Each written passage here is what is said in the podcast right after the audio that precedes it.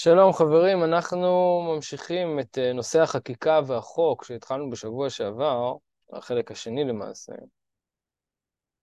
אה, אנחנו קוראים בהמשך הטקסט ששלחתי לכם בשבוע שעבר. וזהו סוד שאמר במזמור, אז אולי נעשה איזשהו אה, טיפה ריוויו כזה על חקיקה כמשהו שמקבל צורה, כמשהו שמעצב צורה, סוגר צורה, לשון חקיקה בסלע. כלומר, חוק הוא דבר שהוא מעצב מציאות, הוא כביכול בא לחוקק, כלומר לחרות איזושהי צורה לתוך המציאות. ואמרנו שדווקא החוק הוא, שהוא הצד הזכרי, אה, שבאופן אקטיבי כביכול, אולי אפילו מהפכני, רוצה לעצב את המציאות בצורה אקטיבית וזכרית, הוא נמצא בתוך מרחב נקבי. דווקא המרחב הנקבי מפרש את החוק. כלומר, החוק יכול להיות אקטיבי, והמרחב הנקבי יפרש אותו, בלי שום קשר לסוגיות שאנחנו עוסקים בהן היום. אה, אולי עם קשר, תעשו אתם את האנלוגיות. אבל בכל מקרה, לענייננו, אלו דברים שראינו בשבוע שעבר, אפשר לשמוע את ההקלטה. אה, פה עכשיו, אה, בהמשך הטקסט... לכאורה זאת בדיוק המחלוקת, אם זה עם כן, קשר או בלי קשר. כן, רק השאלה האם החלק הנקבי אה, הוא באמת נקבי או שהוא זכרי, זאת אומרת, מי, מי הזכר פה זו שאלה. אם המחוקק זה הקדוש ברוך הוא והמפרש זה כנסת ישראל, תורה שבעל פה, אני, אני יכול להבין. אבל אם המחוקק הוא האדם, אז מי המפרש? שאלה. אה, כלומר, במובן הזה דווקא החוק האלוהי נתון לפרשנות האנושית, או של כנסת ישראל, ונקבע על פיה. הוא זה שמעצב, כמו רחם, את, ה, את החוק האלוהי, את התורה שבכתב, אם תרצה. בכל מקרה, פה הוא מביא אה, כמה דברים שמוכיחים את העניין הזה שחוק זה גבול וצורה, וגם קצת נכנס ליחסים בין חוק לבין חוקה, שחוקה זה עוד צד נקבי בחוק שלא דיברנו עליו. אז בואו נקרא קצת. זה יסוד שאמר במזמור, עללו את השם מן השמיים, שהזכיר כל הנבראים, עליונים ותחתונים, יעללו את השם השם, כי הוא ציווה ונבראו ויעמידם לעד העולם, חוק נתן ולא יעבור. הוא אומר חוקות שמיים וארץ. אנחנו רואים שחוקי הטבע הם ראויים להיקרא חוקים. חוק נתן ולא יעבור. חוקות שמיים וארץ. וברכת, ובברכת הלבנה אמרו חז"ל אשר במאמרו ברא שחקים, וברוח פיו כל צבאם, חוק וזמן נתן להם שלא ישנו תפקידם, אז תנועת גרמי השמיים הם גם כן נתונים תחת חוק, אז דווקא החוק פה מצד עצמו הוא דבר קבוע מאוד, דבר שקשור לחקיקה ולגבול. הוא אומר, נותן שמש לאור יומם, חוקות ירח וכוכבים לאור לילה. כלומר, גבול היום וגבול הלילה בסוד מידת יום ומידת לילה, ואומר, האותי לא תיראו נאום השם, זה ראיות, כן? וכולי וכולי, אני מדלג קצת על הראיות, הרי בכל מקום שתמצא לשון חוק הוא עניין גבול. כל הדברים ושיעורם. אז גבול ומידה, זה החוק. החוק הוא בעצם מגביל. דווקא לכן, כל חוק שאתה מחוקק, כשאתה רוצה לקדם משהו, במובן מסוים אתה מגביל. ולכן יש אה, בעיה מאוד גדולה עם החוק. כן? אם הפרשנות היא חופשית לחלוטין, אז הפרשנות היא יותר רחבה כים, ואז היא דינמית, היא מתפרשת על ידי כנסת ישראל בכל דור ודור, אה, אה, ואז היא לא חוק. בית המשפט לא סוגר את העניינים, הוא נותן פרשנות אחת, אפשר עוד פרשנויות. אם כבר רוצים לעשות אנלוגיה. אה, בכל זאת, יכול להיות שנקבע מציאות על פי פרשנות כזאת, אחרת, לפי כל מיני אה, צרכים וכאלו ואחרים, אבל הדבר הגדול ביותר הוא, הוא בסופו של דבר קבלת האומה, וקבלת האומה היא לא חוק, היא מעל החוק. היא סוג של פרשנות, היא, היא המטה פרשנות, בטית. ולכן כל חוק, דווקא בגלל שהוא חזק כביכול, כי הוא מסוגל לעצב את המציאות, ליצור ולחוקק צורה, במובן הזה הוא גם חלש, כי הוא נורא נורא מגביל. כל דבר שצריך לחוקק לו חוק מורה על חולשה. כל תקנה של חז"ל, כמו למשל שלא לסחור בשבת, מסחר, מורה על חולשה של הרוח, שנדרשת תקנה על מנת לעשות זאת. דוגמה נוספת לדבר הזו, כתובה. האם כתובה דאורייתא או דרבנן? כתובה כנראה דאורייתא, אבל בדאורייתא היא לא הייתה, לא ברור שהיא הייתה בצורה של חוק, של מצווה מחייבת, אלא איזה סוג של רוח, רוח האומה. רוח האומה יכולה להיות גם דאורייתא, אבל מכיוון שהיה איזה סוג של חולשה בדבר הזה, היה צריך להפוך את זה לנורמה חוקית. זה לא בהכרח דבר רע, לפעמים זה דבר טוב מאוד, ובלי זה לא נוכל, המציאות תהיה אולי במצב גרוע יותר אם לא יחוקקו את החוק הזה, כן? אנחנו לא בעד אנרכיה פר אקסלנס, אבל, אבל מצד, מצד עצמו, נגיד השאיפה היא שרוח האומה, דוגמה לדבר אפשר להגיד כמו יום כיפור במדינת ישראל, אין שום חוק שאומר שאסור לנסוע ביום כיפור. קבלת האומה היא כזאת, רוח האומה מרגישה את זה. ודווקא במובן הזה חוק יהרוס את זה. כל חוק יהרוס את זה. וזה לא אומר שלא צריך לחוקק לפעמים חוקים. אוקיי, אז זה מה שהוא אומר. כל מקום שתמצא לשון חוק הוא עניין גבול כל הדברים ושיעורם. וכן, ואכלו את חוקם אשר נתן להם פרעה. כלומר, יש להם איזושהי מנה קבועה. וכן, לטריפני לחם חוקי, מה שאני צריך כדי לחיות. הכמות שאני צריך באמת. לפי שנחקקו כל הנבראים למיניהם וגבוליהם על ידי שתי ספירות אלה. כלומר, העיצוב של העולם בדיפרנציאציה, שיש שם צורות שונות, נבראים שונים, יצורים שונים, ולכל אחד מהם יש שיעור וגבול, מה שבעצם שומר על הדיפרנציאציה שלו. כל זה מערכת היחסים בין הזכרי לבין הנקבי במימד הקיום, שזה בין הזון, או אם תרצו, בין היסוד לבין המלכות. אז לפי שנחקקו כל הנבראים למיניהם וגבוליהם על ידי שתי הספירות הללו, הוא צריך השם יתברך ויתעלל לשים אותם בתורה בסימנים ידועים בלשון חוק ובלשון חוקה. אז פה יש לנו חידוש. עד עכשיו אמרנו החוק זה הזכר, החוק זה ספירת היסוד. והמלכות היא תורה שבעל פה, אבל הוא אומר, יש לה עוד כינוי, וזה חוקה. דווקא פה תראו שהחוקה היא בדיוק הפוך מחוק. היום מדברים על חוקה במובן שזה החוק של החוק.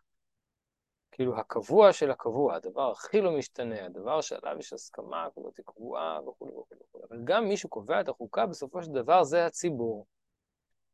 הציבור כשלעצמו הוא החוקה. החוקה בתפוסה שלו היא לא חוק חזק יותר, חוק יסוד. החוקה במובן הזה היא מה שנותן מקום לחוק, מה שמאפשר את קיום החוק, מה שגורם לחוק לחול ולחיות. וזה לא מערכות השיטור או הרשות המבצעת, זה הרוח האומה.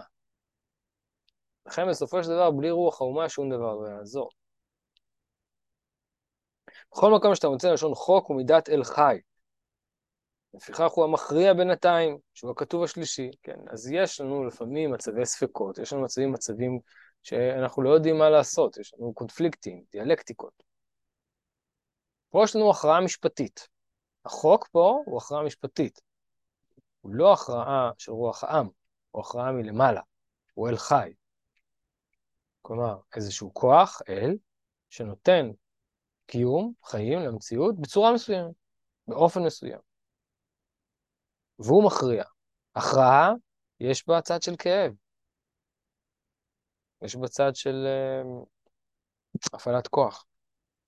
לפיכך הוא מכריע בינתיים שהוא הכתוב השלישי, וזה הסוד שאמרו בספר יצירה, בלשון חוק מכריע בינתיים, כי הלשון הוא באמצע כל עברי הגוף, לפיכך נקראת חוק. ומידת אל חי נקראת חוק. זהו סוד תיקעו בחודש שופר בכסל ליום חגנו, כחוק לישראל ומשפט לאלוהי יעקב. אתם רואים את הקשר בין המשפט, הדין והחוק. שזה פסוק שמיוחס לראש השנה. וכבר הודעתיך שהוא יום הזיכרון, אז הנה יצא לנו טוב לקראת יום הזיכרון. לא יודע אם זה קשור, אבל לפחות מבחינה מילולית, שהוא יום הזיכרון בסוד, יש פה טעות, בסוד זכרנו, זוכרנו לחיים. כתוב את זה עם רש, בסוד זוכרנו לחיים, לפיכך אמר כי חוק לישראל הוא משפט לאלוהי יעקב.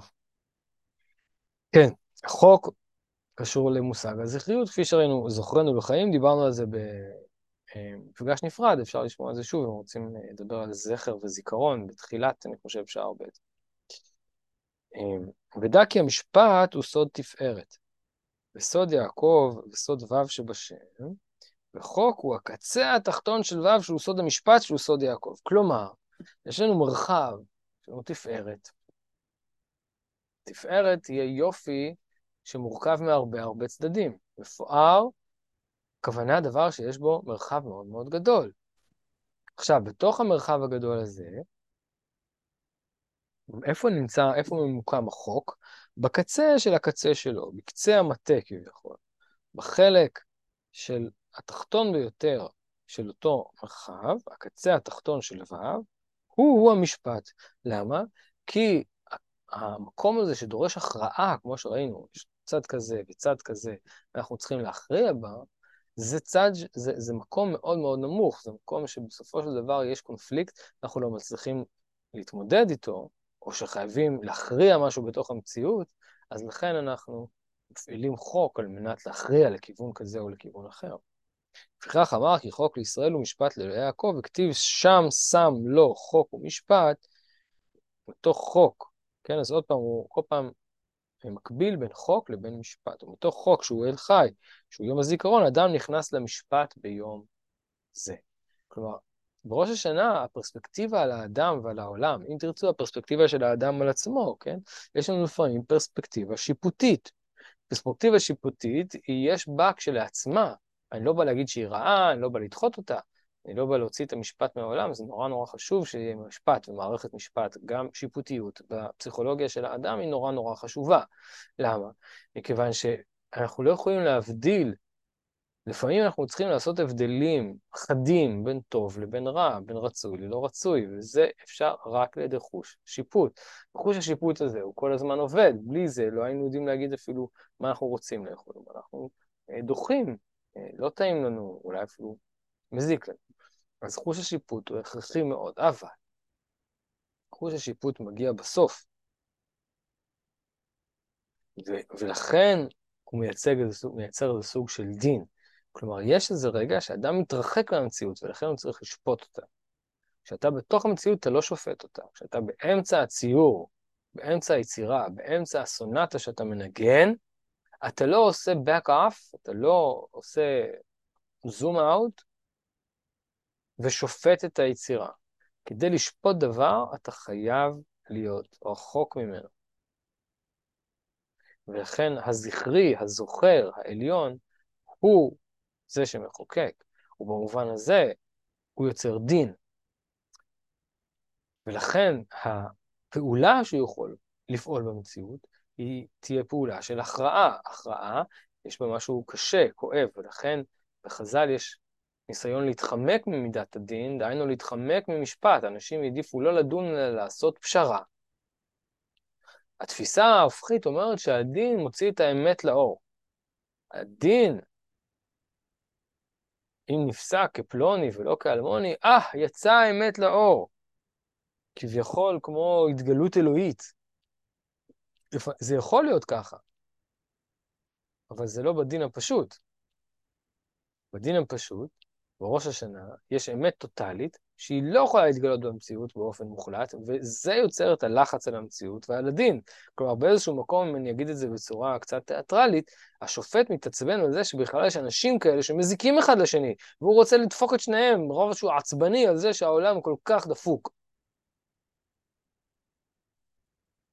אבל הוא רק צריך להכריע מי פחות דפוק, או מי פחות רשע.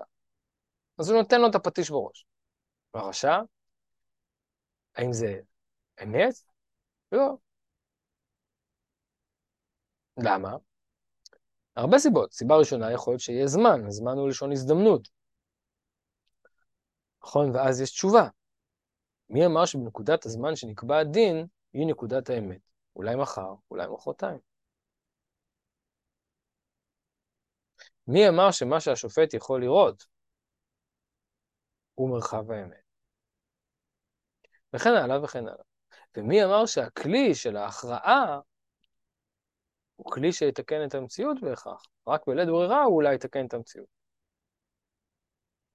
כיוון שההכרעה לא נותנת לתהליכים של תשובה, תיקון, חברה, זמן, התפתחות, היא לא נותנת לתהליכים האלו להתרחש.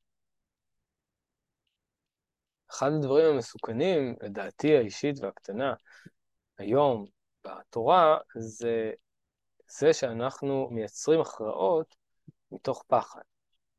הרבה פעמים המשפט וההכרעות נוצרים מתוך פחד.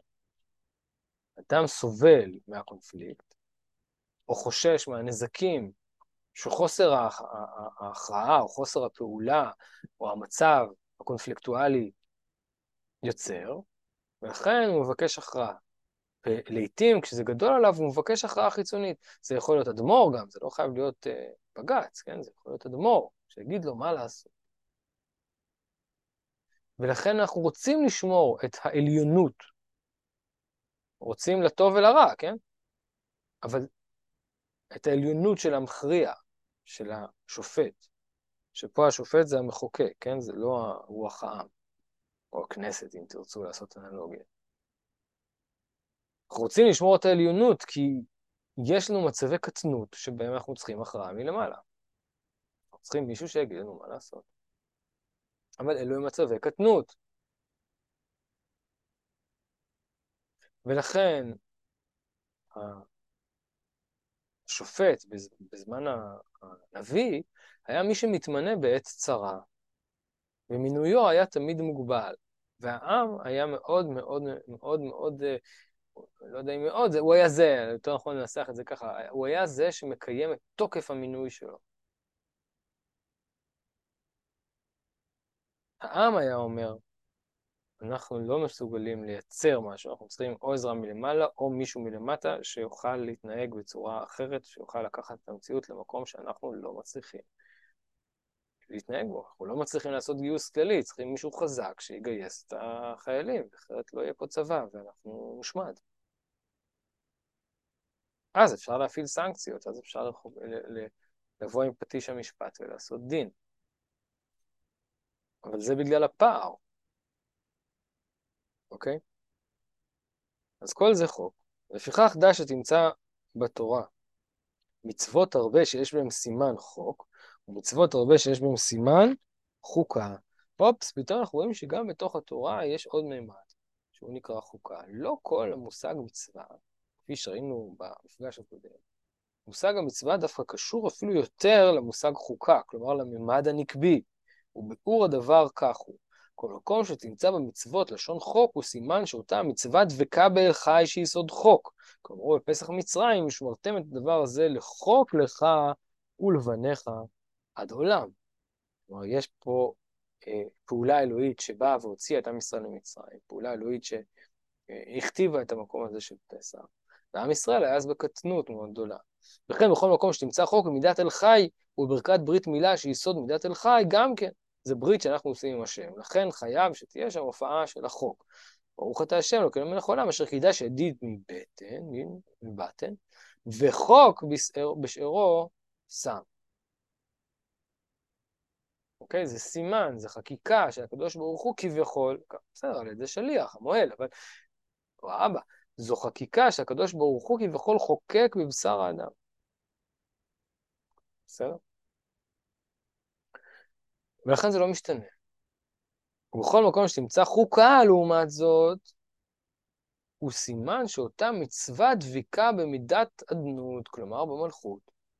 כגון ושמרת את החוקה הזאת למועדה מימים ימים. אז אנחנו רואים שבתוך פסח גם יש מימד של חוקה, לא רק מימד של חוק, זה גם כן מדובר על פסח שם, פסוקים האלה. זאת חוקת התורה, וכן כל כיוצא בזה. כלומר, יש לפסח מימד של הציווי האלוהי, אבל המימד הזה הוא לא שלם, הוא לא הכל, אי אפשר להסתכל על הכל דרך החוק, המשפט, הציווי האלוהי, ההכרעה האלוהית לעשות כך ולא אחרת. יש את רוח האומה. ופסח זה גם לידת האומה. במובן הזה פסח הוא קורבן שהוא אה, כביכול מצוות השם, הוא מוקרף בבית המקדש, אבל המרחב המקודש שבו הוא נאכל הוא מרחב, המרחב האנושי. הבית הופך להיות אה, סוג של מקדש שלא מציעים ממנו עבר, נמנים על הפסח, כלומר, זה כמו כהנים כאלה, כן, יש משפחה כזאת, יש איזו חבורה, יש משמעות של אחדות כזאת אנושית, איזשהו אה, כנסת, אם תרצו, כן. מבינים, יש פה איזשהו ממד שהוא, שבו הפסח מתקבל, שהוא ממד של חוקה, ולא ממד של חוק. נמצאת ללמד כי לשון חוק וחוקה הם סוד אל חי אדנות הם מידת יום ומידת לילה, הם זכור ושמור וכל וכיוצא בזה. כלומר, פה רוצה להגיד לך, תשמע, זה לא רק הסיפור של חוק וחוקה, זה מופיע בעוד הרבה מקומות, יום ולילה. זכור ושמור. אפשר להסתכל על שמור כמשהו שהוא הם, מחזיק משהו קיים ללא התפתחות. אבל לשמור פה, הכוונה משהו אקטיבי, אקטיבי נקבי, כמו האביב שמר את הדבר, הוא ציפה. הציפייה יוצרת מציאות מסוימת, או כמו מישהו שאתה שומר את הצמח, אתה שומר את הגינה. אתה דואג שלא ייכנסו לה מזיקים, אבל אז הכוחות מתפתחים בתוך הקרקע, הצמחים מתפתחים בתוך הקרקע בצורה טובה. אז שמירת המצוות היא הרבה פעמים שמירה על, קדוש, על הקדושה או התשוקה האלוהית שיש בנשמת האדם, או נשמת האומה, על מנת לאפשר להתפתח. בסדר? וכן כל כיוצא בדברים האלה. אז אמרנו חוק, לסיכום חוק, הוא זכרי, הוא מכריע, אמ, וזה חשוב להכריע הרבה פעמים. אבל בהכרעה יש גם איזשהו ממד שהוא לא שלם, ולכן הוא צריך להיות בתוך הממד של החוקה, או אם תרצו, המצווה. מצווה שיש בה ממדים של צוותא ושל חיבור, שלא כמו בדרך כלל שהמושג מצווה היא בעצם מילה נרדפת לחוק, כן? המצווה, צו, צו קטגורי, צו משפטי, צו בית משפט, זה, זה בעצם שם אחר למילה של אה, חוק. אבל פה הוא, הוא, הוא מחלק את זה, הוא אומר אחרת. הוא אומר, המצווה היא, היא, היא, היא מקום יותר דינמי, יותר נקבי. היא לא, היא לא מייצרת צורה, היא מעצבת צורה. היא לא חוקקת, היא מגמישה. אמ, כן. והמצווה קשורה בשמירה. היא לא יוצרת כמו החוק, כמו החוק חוקקת מציאות, אבל היא שומרת, כלומר, מטפחת את המציאות, מאפשרת, מייצרת מרחב שבו החוק יכול להתפתח. אז זה כמו זכר ונקבה, יש כמין זרע זכרי, שהוא ההתגלות והציווי האלוהי, אבל הוא זרע, הוא גולם, הוא חומר גלם, איך שתרצו לקרוא לזה. והמרחב הנקבי מעבד אותו, אבל כשהוא מעבד אותו, הוא לא מאבד אותו באלף, הוא יכול לאבד אותו באלף. זה יכול להיות בן ממזר, חס ושלום, כן? והוא יכול גם לאבד את עצמו, כביכול לא לעשות שום דבר, לקחת את המצווה הגולמית, זה כמו הקראים, כן? לקחת את המצווה הגולמית, את ההתגלות האלוהית, as is, כפי שהיא, ולנסות לחיות אותה בצורה אנרכוניסטית, כלומר, לנסות כל הזמן לשאוף למקור, למקור, למקור, למקור כביכול. וכשאנחנו מנסים לשאוף למקור, ומכיוון שהמקור הוא מעל העולם, אנחנו עושים חטא כלפי זה. כי המקור שהוא מעל העולם, האינסוף, הוא אינסופי באינסופיותו, זאת אומרת, הוא כולל הכל כל הזמן. ולכן רגע ההתגלות שבו נאמר המשפט בצורה כזאת או אחרת, הוא רגע אחד בזמן. נכון, הרמב"ם מאוד מדגיש את זה. לרב קוק יש הסבר מאוד עמוק מדוע הרגע האחד בזמן הזה הוא בעצם כל הזמן. כביכול הרמב"ם אומר, היה כאן קיפול של הזמן, קוונטי כזה, אולי תרצו. אז העתיד והעבר התקפלו לתוך נקודה אחת של הזמן, ולכן יש משמעות לרמב"ם למתן תורה קצת שונה ממה שאני אומר עכשיו. אבל אם נשים שנייה את הרמב"ם בצד, במחילה מכבודו וקדושתו, אני לא בא לדחות את דעתו, רק אני רוצה לשמור על איזשהו קו אחיד של הסבר. ובמובן הזה, הרגע של מתן תורה הוא רק רגע של פתיחת חלון. הוא רק רגע שבו מופיע החומר גלם, שבו מתגלה החוק על מנת שהמרחב האנושי יוכל לאבד אותו. באלף, אבל הוא חייב לאבד אותו באלף ולא, בעין ולא באלף, כי אם הוא יאבד אותו באלף. כלומר, הוא יסתכל עליו כמשהו שהוא ישן, שהוא לא רלוונטי.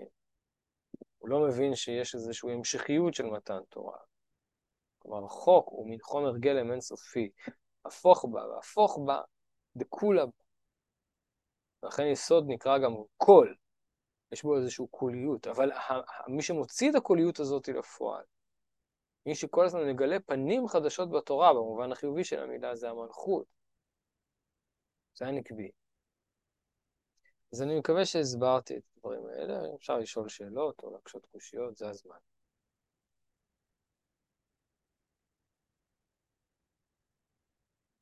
אוקיי. יש לי שאלה, רוני. כן, שמחה. אמ, זה קצת בהקשר של ה... קשור לשאלות הקודמות שלי, ב... לא בהיררכיה, היום אני מבין שאני צריך לשאול את זה מה עוטף את מה. אבל אמרנו שהחוק הוא כביכול המעטפת הגדולה יותר.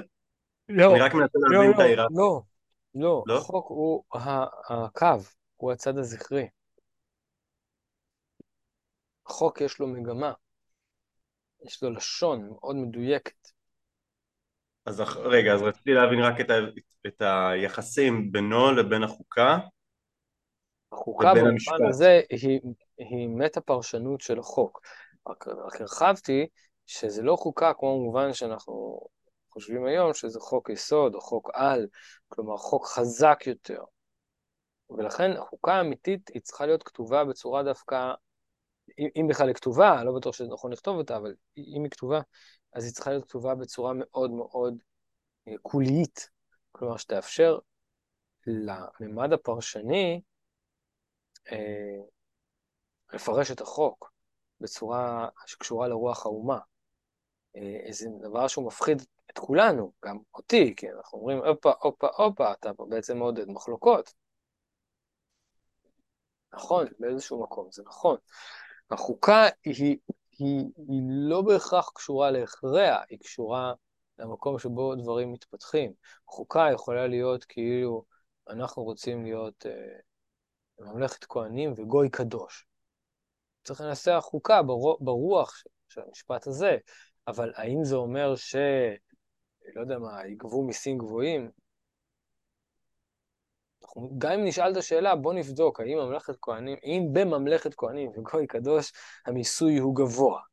ייתכן שהשאלה הזאת היא במקום, נשמעת, נשמעת לי שאלה לא רעה בכלל, אבל ממילא אתם מבינים שכיוון שמדובר פה על משהו יחסית אידילי, או רחב, או רחוק, או, או כוללני, או שקשור לרוח האומה, אז הדבר הזה ייבחן מחדש בכל פעם, אי אפשר לענות לשאלה, אי אפשר לענות ש... לשאלה הזאת תשובה אמיתית של כן או לא. כי גם אם באמת אני אוכיח ואגיד אכן, אכן, אכן, התשובה לשאלה הזו היא כן. מחר, מחרתיים, שנה, שנתיים, אולי כבר יהיה לא. אז, אז, אבל תמיד יהיה חומר גלם של החוק, תמיד תהיה תורה, אנחנו לא, לא, לא, מייצ, לא מייצרים תורה חדשה. אנחנו כן, אחרת זה ממזרות, נכון? אחרת אנחנו לוקחים חומר גלם אחר. לכן אין ריק בעולם. כל משפט, כל פרשנות, אני חוזר עכשיו לאנלוגיה ההפוכה, לא לאנלוגיה של הספר, לאנלוגיה למציאות. כל משפט, כל פרשנות יושבת על מרחב תרבותי. כל שופט שמפרש חוק, הוא יושב על מרחב תרבותי. ולכן בורות של השופט, או ריחוק שלו ממימד מסוים בתרבות, יגרום לפרשנות לא מלאה של החוק. במובן מסוים הפרשנות, או אם תרצו החוקה, או אם תרצו המלכות, מחזירה, או יותר נכון, מכניסה לממד החוק את הממדים העליונים שלא מתגלים בחוק עצמו, שהם התפארת, שהם האמת. דווקא בגלל שהיא לא עושה הכרעה. כלומר, החוק, כשהוא היה צריך לרדת לתוך המציאות, הוא היה צריך להכריע. אפילו במובן של כתיבת החוק, היה צריך לבחור לשון מסוימת שתהיה השתמע באופן מסוים, ולתת אותו ביום מסוים, ולתקף אותו באופן מסוים, ולתת לו ענישה מסוימת, וכן הלאה, וכן הלאה, וכן הלאה. מה עם כל מרחב האמת שהחוק, אמרנו, הוא רק איזשהו תוצר סופי, אחרון, של, של, של המרחב הזה שנקרא תפארת או אמת? החוק זה רק הסוף שלה, היסוד. מה קורה עם כל המרחב הזה ביחס לחוק? איך הוא חוזר? הרי אנחנו לא יכולים להיות מודעים לחלוטין למרחב המופשט, ובמובן מסוים האינסופי, זה לא בדיוק, אבל נגיד האינסופי, שממנו נוצר, שממנו נבע החוק. אם תרצו בדוגמה מציאותית. השופט שנמצא עכשיו הוא השופט אשר יהיה בימים ההם. כלומר, הוא השופט שחי את הצייטגסט, את רוח הזמן שעכשיו הוא חי בה. הוא לא, הוא לא בהכרח יכול לדעת מה רוח האומה, כלומר, איפה זה הולך מצד ההיסטוריה ואיפה זה יגיע אחר כך. לכן השופט נקרא אלוהים ולא הוויה. אבל הוא צריך לחבר את עצמו להוויה, הוא צריך לחבר את עצמו למקום שבו יש היסטוריה, יש תרבות, יש ערכים, ויש גם שאלה של איך כולם מתיישמים בתוך המציאות. אוקיי? שאלות? זה ברור? אמ, כן, זה יותר ברור. אה, רציתי להבין אבל את ה... מבחינת ה... שוב, לא היררכיה, אבל הסדר, אמרנו שהחוק הוא דין. נכון.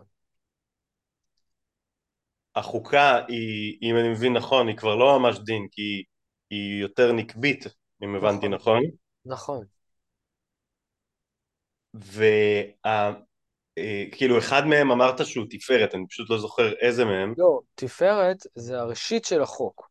החוק עצמו הוא הסוף של התפארת. תפארת זה מרחב שבו יש אה, אה, יופי, נקרא לזה ככה.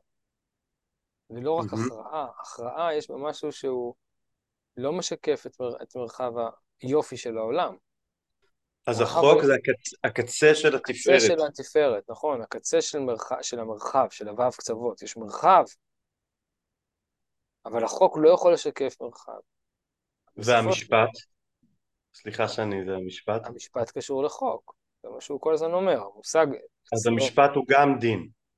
המשפט והחוק והזיכרון והזכריות הם כולם ממדים, הם כולם צדדים שונים באותו ממד, כן. אוקיי. זה ענה לי, תודה. אוקיי. ואחר, ואחר שהודענו לך זה, יש לנו להודיעך הטעם שקרא קצת המצוות חוקים או חוקות. כלומר, למה באמת יש מצוות כאלה ומצוות uh, כאלה? למה לא הכל חוקים או הכל חוקות? כבר הודענוך כי לשון חוק הוא סוד חקיקת הדברים ושיעורם וגבולם, ושאינם יכולים לעלות חוץ לגבולם. כן, החוק הוא מאוד מוחלט, הכרעה. וכן כל המצוות הנקראות חוקים או חוקות הן מצוות סתומות ונעלמות ועמוקות עד מאוד. והוציאו אותם לתורה בלשון חוק. כלומר, כל דבר שהוא כל כך עליון, שיש פער מאוד גדול בין היכולת של האדם להתנהל איתו לבין המקור האלוהי, אז הוא מכריע את המציאות. ולכן הם מצוות סתומות ונעלמות, והם נקראים חוק. לומר לנו שנקיים אותם ולא נערער אחריהם, הטעם ניתנו לנו, ונשמור חוק וגבול הערעור והמחשבה בהם, ולא נצא חוץ לגבולי המחשבה והערעור, לפיכך נקראו חוקים וחוקות. כלומר, מה שקשור לחוק, קשור למרחב הזה. וכבר גילו דבר זה חז"ל בתלמוד, אמרו את חוקותיי תשמרו דברים שהעץ הרע מקטרג עליהם, ואומות העולם משיבים עליהם, ואלו הן אכילת חזיר ולבישת שעטנז, וחליצת יבמה וארבעת כלאיים, ושור הנסכל ועגלה ערופה וציפורי מצורע, ועוד כל מיני דברים, שמא תאמר מעשה תוהו הן.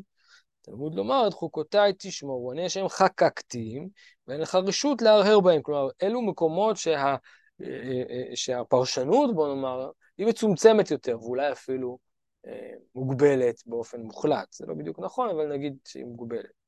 וזהו סוד את משפטיי תעשו, ואת חוקותיי תשמורו ללכת בהם אני השם.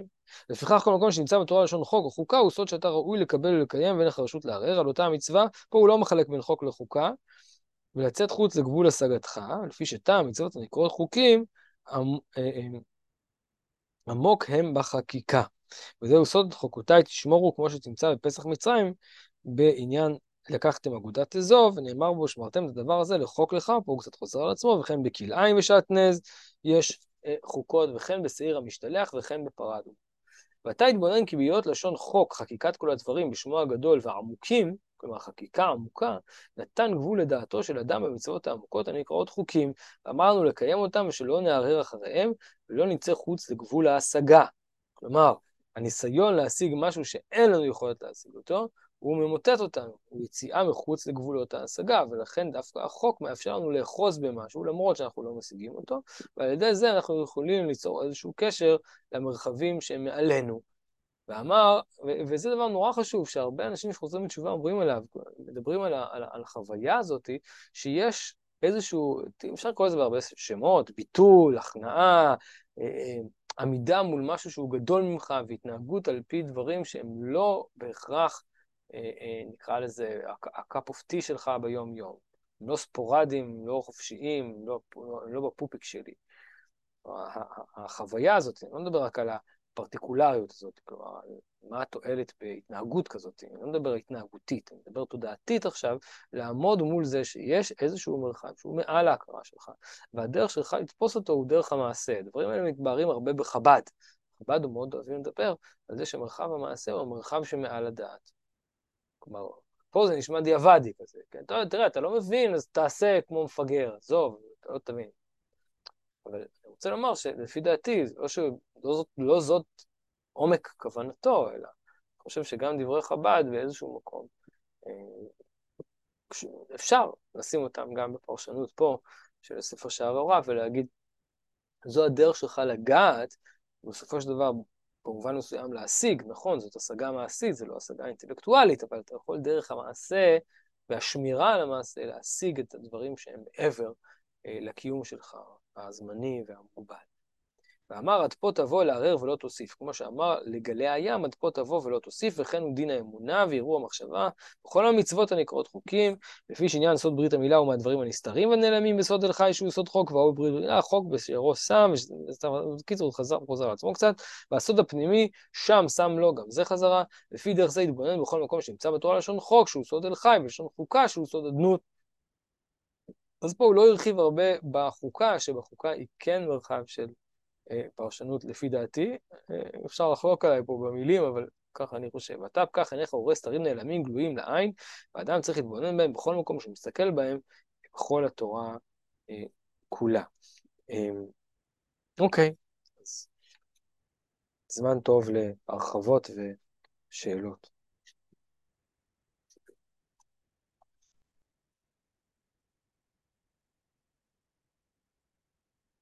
אוקיי?